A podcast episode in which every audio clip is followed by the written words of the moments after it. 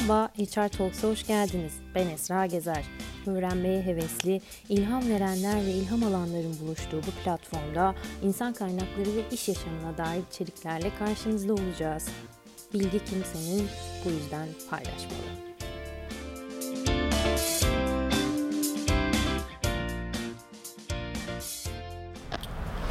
Değerli HR Talks takipçileri hepiniz hoş geldiniz. Bugün yine çok değerli bir konuğum var. Hem çok sevgili arkadaşım, hem e, yeni bir iş e, Ankara Bölge Yönetmeni Özlem Şen. Şimdi de yeni bir işin Ankara ofisindeyiz.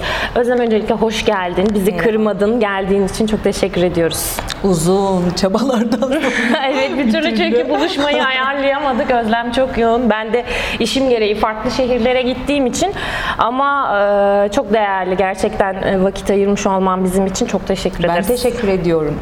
Çok keyifli olacak. Evet, evet. Hemen şöyle başlamak istiyorum. Ee, yeni bir işte pek çok hem işverenlerle hem pek çok e, adaylarla iç içe olan bir evet. e, yönetici olarak her iki tarafı da her iki gören. tarafı da gören biri olarak işveren tarafından başlarsam ya da benim en çok sormak istediğim sorulardan biri bu. İşverenler ilan verirken nelere dikkat ediyorlar? Ee, şimdi e, ağırlıklı olarak tabii hani e, İç Anadolu bölgesi için konuşabilirim bunu. Ee, baktığımız zaman genellikle şu anda e, depo sorumlusundan bile, CNC uzmanından bile kendini ifade etme becerisi arıyorlar. Ee, yine bununla birlikte e, iletişim becerilerinin yüksek olup olmamasına bakıyorlar. Ee, diğer işte kriterler illaki hani sıralanıyor. Fakat e, şu anda ilk karşımıza çıkan yetkinliklerde e, kendini ifade edebilme ve iletişim becerilerinin yüksek olması gibi özellikler arıyorlar. E, yine bununla e, birlikte zaman zaman hani ücret politikası ile ilgili de geri dönüş yapıyorlar. Hani bu tarz pozisyonlar ne tarz ücret e, alırlar gibi bizden de destek bekliyorlar o noktada. E, orada da yardımcı oluyoruz ama genel olarak aranan kriterlerde ilk sırada e, bu özellik karşımıza çıkıyor. Kendini genelde. ifade etme evet. becerisi diyebiliriz her Aynen pozisyonda. Öyle. Evet, evet. E, peki en çok hangi sektörler aday arıyor? Ee, bu son yaklaşık 3 e, yıldır e, çok keskin bir değişiklik değişikliğe uğradı. Hı hı. Şu anda e, bütün illeri göz önünde bulundurduğumuz zaman eğitim sektörü başı çekiyor şu anda. Hı hı. Ee, yine bununla birlikte olmazsa olmazımız ikinci sektörümüz satış. Hı hı. Ee, mühendisin bile satışçısını arıyoruz hı hı. E, ilanlarda. E, aynı zamanda sonrasında işte turizm, otelcilik, e, kafe, sektörü. restoran, evet hizmet sektörü karşımıza çıkıyor. Hı hı. Sonrasında işte sağlık ve pazarlama şeklinde devam ediyor e, sektörel anlamda baktığımız zaman. Ama çok ciddi bir değişiklik var. Evet. E, daha öncesinde ağırlıklı olarak hani inşaat sektörünü e, görürken e, en hı hı. çok e, iş arayan sektörde e, şu anda eğitim sektörü lider konumda. Anladım. Son birkaç senedir. E, şu an günümüzde aslında bakarsak e, iş arayanlar aradıkları hmm. işi bulmakta zorlanıyorlar. Aynı şekilde işverenler de aradıkları yetenekleri bulmakta hmm. zorlanıyorlar ve yetenek kıtlığı aslında küresel bir problem şu an. En sevdiğim konu. Konu. Evet. E, her iki taraf açısından da bakalım istiyorum ben. Yani iş arayanlar Lütfen neden e, istedikleri işi bulmakta zorlanıyorlar? Ee, şimdi e, burada e, literatür bir e, geri bildirimde bulunmayacağım. Zira hani, sahada geri bildirimi. evet. Şimdi şöyle, aday tarafına baktığımız zaman, iş arayan aday tarafına baktığımız zaman hem yeni mezun aday için hem de deneyimli aday için gördüğüm benim çok somut bir şey var ki bu da adaylar genel olarak ne istediklerini bilmiyorlar. Bu e, çok keskin bir e, bulgu benim için. E, dolayısıyla ne istediğini bilmeyen aday dolayısıyla Kafası hani karışıyor. ne aradığını da bilmiyor. Hani mezun olduğu okul belki de aslında gerçekten mezun olmak istediği okul değil. İşte nasıl bir kariyer hedefi olması gerektiğini bilmiyor. Bununla birlikte maalesef hani çok yetersiz özgeçmişlerle karşı karşıya kalabiliyoruz. Çok öz özür dileyerek hani bunu ifade etmem gerekiyor ki e, bazen hani o özgeçmişleri açıp hani e, neler yapabiliriz noktasında çok fazla fikir çıkabiliyor. E, çünkü e, bir kere her şeyden önce e, bu hangi e, bölüm olursa olsun e, yetersiz özgeçmişlerin başında e, muazzam imla hatalarıyla karşılaşıyoruz. E, bir e, İK profesyoneli için mesela bir adayı e, eleme e, noktasında en e, keskin kriterlerden biri daha ilk görmeden hani özgeçmişleri Genel gördüğü için değil mi? e, baktığınız zaman işte mail adreslerinden tut da e, şeye e, diline imla hatalarına varıncaya Beyaz kadar kelebek 06 e, yani gmail.com gibi, uzmanı değil et hotmail.com gibi mail adreslerinden elenebiliyor adaylar. E, ve bunlara ek olarak da en e, keskin özelliklerden biri e, benim bakış açıma göre bu yine e, tamamıyla benim saptamalarıma göre bir doğru belirlemiş adaylar kendi kafalarında E, ve bu doğruya da uyumlanmaya çalışıyorlar. E, yani bunun e, kendi bakış açılarına göre hareket ettikleri için de e, piyasayı tanımıyorlar, sahayı bilmiyorlar, iş dünyasını tanımıyorlar. Çünkü bütün öğrenim hayatları boyunca, eğitim öğrenim hayatları boyunca sadece akademik bilgiyle beslenmişler. Bir saha deneyimleri yok. Dolayısıyla iş dünyasını tanımadıkları için, bu eğitim öğretim dönemlerini sağlıklı geçirmedikleri için ne istediklerini bilmiyorlar, ne aramaları gerektiğini bilmiyorlar, nasıl bir kariyer yolu izlemeleri gerektiğini bilmedikleri için de tıkanıyor Ya da e, staj dönemlerini çok etkin e, geçirmiyorlar. Yani evet bu İş çok- dünyasını tanımak Ya için bir evet, fırsat Esra, aslında. Evet yani şimdi maalesef burada sadece vakit geçirmek için yani yapılması zorunlu olan bir şeymiş gibi bakılıyor staja. Süreç. Ee, yani ben e, o 40 yaşında bir insan olarak e, e, yaklaşık 20 yaşında iş dünyasına atıldım. E, ve hani şu an yaptığım işe baktığım zaman e, daha önceki iş deneyimlerimle kıyasladığım zaman gerçekten hiç alakası olmayan şeyler, işler yaptım. Sigortacılık yaptım, bankada çalıştım e, vesaire. E, ama bu e, bu dönem boyu bu çalışma hayatı bana hani insanlarla nasıl iletişim kurmam gerektiğini gösterdi. E, hangi nasıl ne tarz bir yol izlemem gerektiğini gösterdi. Neyi isteyeceğimi, neyi istemeyeceğimi gösterdi. İşte o yüzden de adaylara her zaman üniversitelerde yaptığımız sunumlarda da bunun üstüne basa basa söylüyorum ben. Lütfen ama lütfen hani e, mutlak surette bu üniversite hayatları hatta bence lise hayatları boyunca her türlü işte çalışıyor olmaları çok büyük bir kıymet. Çünkü gerçekten Ki ne aradıklarını bilsinler. ne aradıklarını bilsinler. Çünkü bu e, e, çok kıymetli bir şey. E, kendi eşinden, ailenden, e, çocuklarından bile daha e, uzun süre o iş ortamıyla e, muhatapsın. Dolayısıyla hani e, mutsuz olduğum bir işte çalışmak büyük bir işkence benim bakış Evet. açıma göre. Dolayısıyla e, yatırımı bu e, eğitim öğrenim hayatı boyunca kendine yaparsan böylece daha net bir kariyer profili kendine çizebilirsin. Evet. Yani sana dikte edilen bir kariyer profili değil, Evet. benim ne istediğim bu Evet, noktada girişimci önemli. mi olmak istiyorsun, Aynen, kurumsalda mı yer aynen, almak istiyorsun, aynen. kamu sektörü mü seni Kesinlikle, besliyor? Önce bir buna kesinlikle. bakmak lazım. Aynen. İlla girişimci değil, illa beyaz yakalı değil, Aynen. illa kamu sektörü çalışanı değil Aynen gibi. öyle. O yüzden de e, ne istediğini biliyor olması gerekiyor adayın ve bunun için de e, çalışabildiği kadar işte çalışmasını öneriyorum. Bununla birlikte stajlarını gerçekten kaliteli bir staj şeklinde gerçekleştirmelerini, olarak fırsat olarak değerlendirmelerini öneriyoruz. Gibi gibi gibi. Bu şekilde Örneklerle- ifade edebilirim. Evet. Yani daha çok konuşurum bu konuyla ilgili ama Evet. süremiz yetmeyebilir. Evet. Ee, ben bir de işveren açısından da bakalım istiyorum. İşverenler de şu an tüm dünyanın problemi aslında bir yandan bu. Yetenek kıtlığı e, Küresel bir sorun. küresel bir sorun. Ee, işverenler açısından konuşsak neler söyleriz? Niye işverenler aradıkları yetenekleri bulamıyor? Ne kadar açık konuşabilirim. Açık konuşabilirsin. Şimdi şöyle, e, 15 yıllık yeni bir iş e, geçmişimde e, yine e, kendi bakış açıma göre değerlendiriyorum elbette ki. E, Genel gözlemim benim şu yönde, m, işveren de şöyle bir handikap var. E, Bir bakıyoruz aradığı kriterlere işte bir sürü donanım bekliyor işveren adaydan.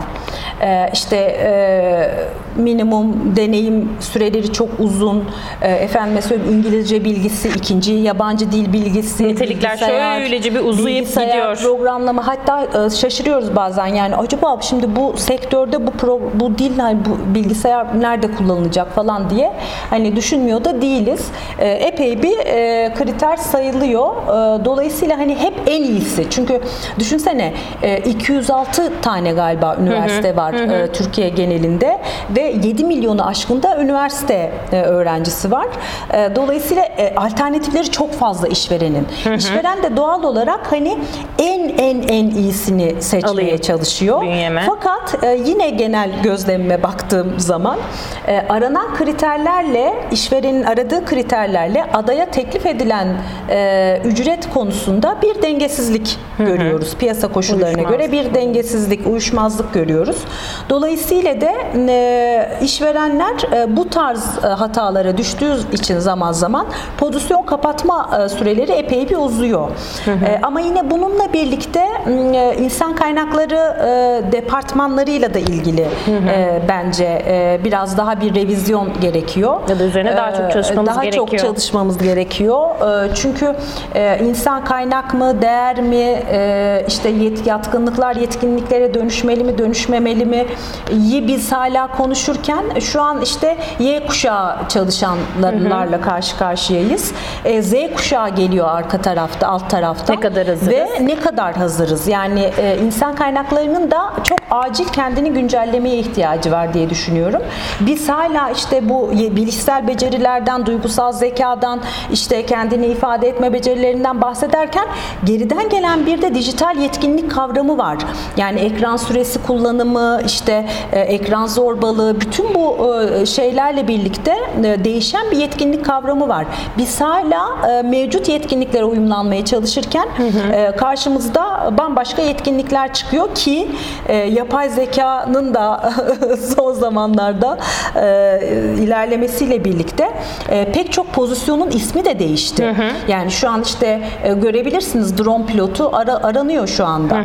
Ya da işte ne bileyim Görsel 3D, efekt uzmanı. Görsel efekt üniversite uzmanı. mez- üniversitede eğitimi yok henüz. Hatta Aynen. geçen birlikte Evet. gittiğimiz etkinlikte de bahsetmişlerdi. Evet, evet. Şu an hani okul da önemli değil. Lise mezunu olup kendini bu Aynen alanda öyle. geliştiren gençleri arıyoruz Aynen demişti. öyle. Evet, İK evet. profesyoneli öyle evet, hatırlıyorum. Evet, aynen, aynen. O yüzden insan kaynakları departmanlarının da acilen bence güncelle, e, güncellenmeye ihtiyacı var diye düşünüyorum.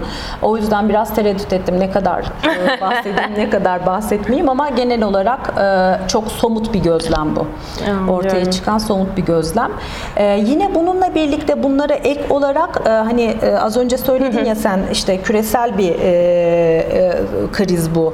E, yet, yet, yetkinlikler. Yetkinlik kıtlığı, E, ye- yetenek kıtlığı. E, bu fakat mesela işte dünyadaki yetenek kıtlığının sebebiyle Türkiye'deki yetenek kıtlığının sebebi aynı değil.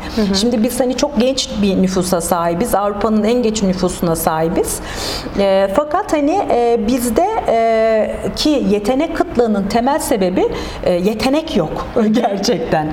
Yani diğer işte Ya da e, yetiştiremiyoruz. e, yetiştiremiyoruz çünkü bu e, çok daha derin bir konu. Eğitim sistemine kadar Daha gider büyük bir konu. bir E, resim. Bununla ilgili çok da e, konuşabilirim. E, ama oraya girmeyeyim şimdi. E, ve Türkiye'de mesela işte diğer ülkelere baktığımız zaman yetenek kıtlığının temelinde yatan sebep adamlarda çalıştıracak aday yok. E, aday kıtlığı var. Ama bizde muazzam bir aday potansiyeli var. Fakat bu adaylardan hani kalifikasyonu yüksek aday, e, yetkinliği olan aday bulmak e, konusunda gerçekten ciddi sıkıntı yaşıyoruz. İşte bunun en başında da mesela deneyim eksikliği geliyor, tecrübe eksikliği geliyor. Adaylarda en temel hani yetenek kıtlığındaki sebeplerden biri yete- e, deneyim eksikliği geliyor. E şimdi bu sefer aday da bize dönüyor şunu soruyor. E ben şimdi yeni mezunum, deneyimim yok. Nerede deneyim Nerede kazanacağım? deneyim kazanacağım Değil diye mi? soruyor. İşte hep az önce de söylediğim gibi yani üniversite yıllarında çalışarak deneyim kazanacaksın. Ee, üniversite e, döneminde üye olduğun topluluklarda e, yaptığın projelerde deneyim kazanacaksın gibi gibi gibi. Bunu atlıyor işte aday. O yüzden de hani Türkiye'deki yetenek kıtlığının temelinde e, adayın kendini ne şekilde geliştireceğini bilmiyor olması ve kendine ne şekilde yatırım yapacağını bilmiyor olması geliyor maalesef. Evet. Baktığımız zaman. Yine bir şey daha Tamam, ekleyebilir miyim? Şey tabii ki, tabii ki, tabii ki. Ee, mesela işte üniversitelerde de çok sık e, sunum yapıyoruz biz. Ee, işte mesela işte e, yetkinlikler kısmına, özgeçmişleri incelediğimiz zaman, yetkinlikler kısmına baktığımız zaman e, bilgisayar biliyor olmak ve İngilizce biliyor olmayı bir yetkinlik olarak e, kabul ediyor aday. Ama şimdi baktığımız zaman e, bu e, şu dönemin olmazsa olmazları zaten Artık olması gereken. bilmesi lazım, evet, değil mi? bu e, default bir e, yetkinlik. Beni senden ayıran bir yetkinlik değil. E, bu noktada işte yetkinlik e, beni nasıl ayırıyor? Düşünsene işte e, ben de mühendisim, sen de mühendissin. E, sen de bilgisayar biliyorsun, İngilizce biliyorsun. Ben de bilgisayar biliyorum, İngilizce biliyorum. Peki iş e, profesyonel e, iş arayan e, ortamında Burada fark yaratan nasıl fark programlar. yaratacak? İşte Java mı biliyorsun, Aynen, Angular mı aynen. kullanıyorsun, Hibernate mi, ne Aynen. kadar geliştirdin kendini. Aynen. Beni evet ben de yakın zamanda yazılım uzmanı aramış biri olarak bunları çok iyi biliyorum. Gerçekten kendini ekstra hangi Daha yönlerde? niş, evet daha niş, daha butik beni ne tanımlıyor? Ee, elimde ne gibi altın bilezikler var? Bunları sorguluyor olmam lazım. Yine bununla birlikte işte benim bu işte bilişsel becerilerimde neler var? Zaman yönetimim nasıl? Ee, şeyim e, toplum içinde çalışma e, motivasyonum nasıl? nasıl? Bunları da kurguluyor olmam gerekiyor. O yüzden de bunları nasıl e, tanımlarım? Bu süreci nasıl tanımlayabilirim? Bir yerde vakit geçirerek, çalışarak, e, iş ortamında vakit geçirerek kendimi tanıyabilirim. İş ortamında vakit geçirerek ne istediğimi ve ne istemediğimi ortaya koyabilirim. Evet, e, aslında biraz da e, dediğin gibi bir de kendi uzmanlık alanımızın dışında bizim uzmanlığımızı besleyen diğer alanlarla da ilgilenerek kendimizi de besleyebiliriz Kesinlikle, değil mi? Kesinlikle. Ben buna e, ben çok somut bir örnek olduğumu düşünüyorum. Ben 15 yıldır yeni biliş.com'da çalışıyorum. Ç- Çok e, gerçekten bir okul, e, çok büyük bir fırsat benim için burada çalışıyor olmak. Ama aynı zamanda hani e, mentorluk yapıyorum. Beyin antrenörüyüm. Ee, yine buna ek olarak hani e, elimden geldiğince hani sürekli kendimi Pek çok eğitim, geliştiriyorum. gönüllü Ee, olarak pek çok öğrenci topluluğuyla öğrenci çalışıyorsun. Ben bizzat takip ettim. E, Çünkü hani şey e, o beslenmek çok önemli bir şey. Sahadan beslenmek. Evet teori bilgi her zaman söylüyorum bunu. Elbette ki. Zaten böyle bir çağda bir şey bilmiyor olmak e, söz konusu Mümkün olamaz. değil, değil mi? Ya her- Bilgiye her yerden bilgi akıyor.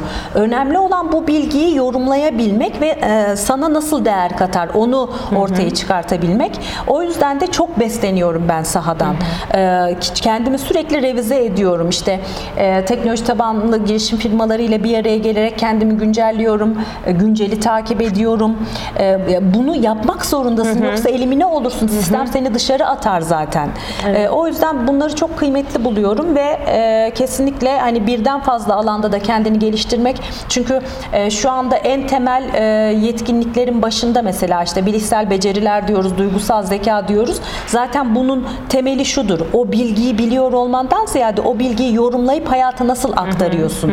Kendine nasıl katkı sağlıyorsun? Her bilgi davranış değiştirmez, Tabii, değil mi? aynen öyle. Neye yatırım yapman gerektiğini, neye yatırım yapmaman gerektiğini, e, elimine et- edip etmeyeceğine karar veriyorsun. O yüzden e, bu bunu çok değerli buluyorum, çok kıymetli buluyorum. Her konuda gelişime açık olmayı e, ben kendi adıma çok önemli bir kıymet olarak görüyorum. Çok teşekkür ediyoruz.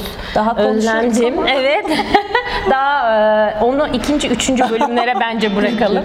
E, çok teşekkür ediyoruz Ben vakit teşekkür ayırdığın ediyorum. için e, yoğun programında bize. Çok teşekkür ederiz. Misafirperverliğiniz için ayrıca teşekkür ederiz Ne efendim. Ne demek. E, Her zaman bekleriz. Evet, her zaman geliriz. Yeni programlarda, yeni videolarda görüşmek üzere. Umarım siz de bu söyleşiyi faydalı bulmuşsunuzdur diyoruz. Kendinize iyi bakın. Hoşçakalın.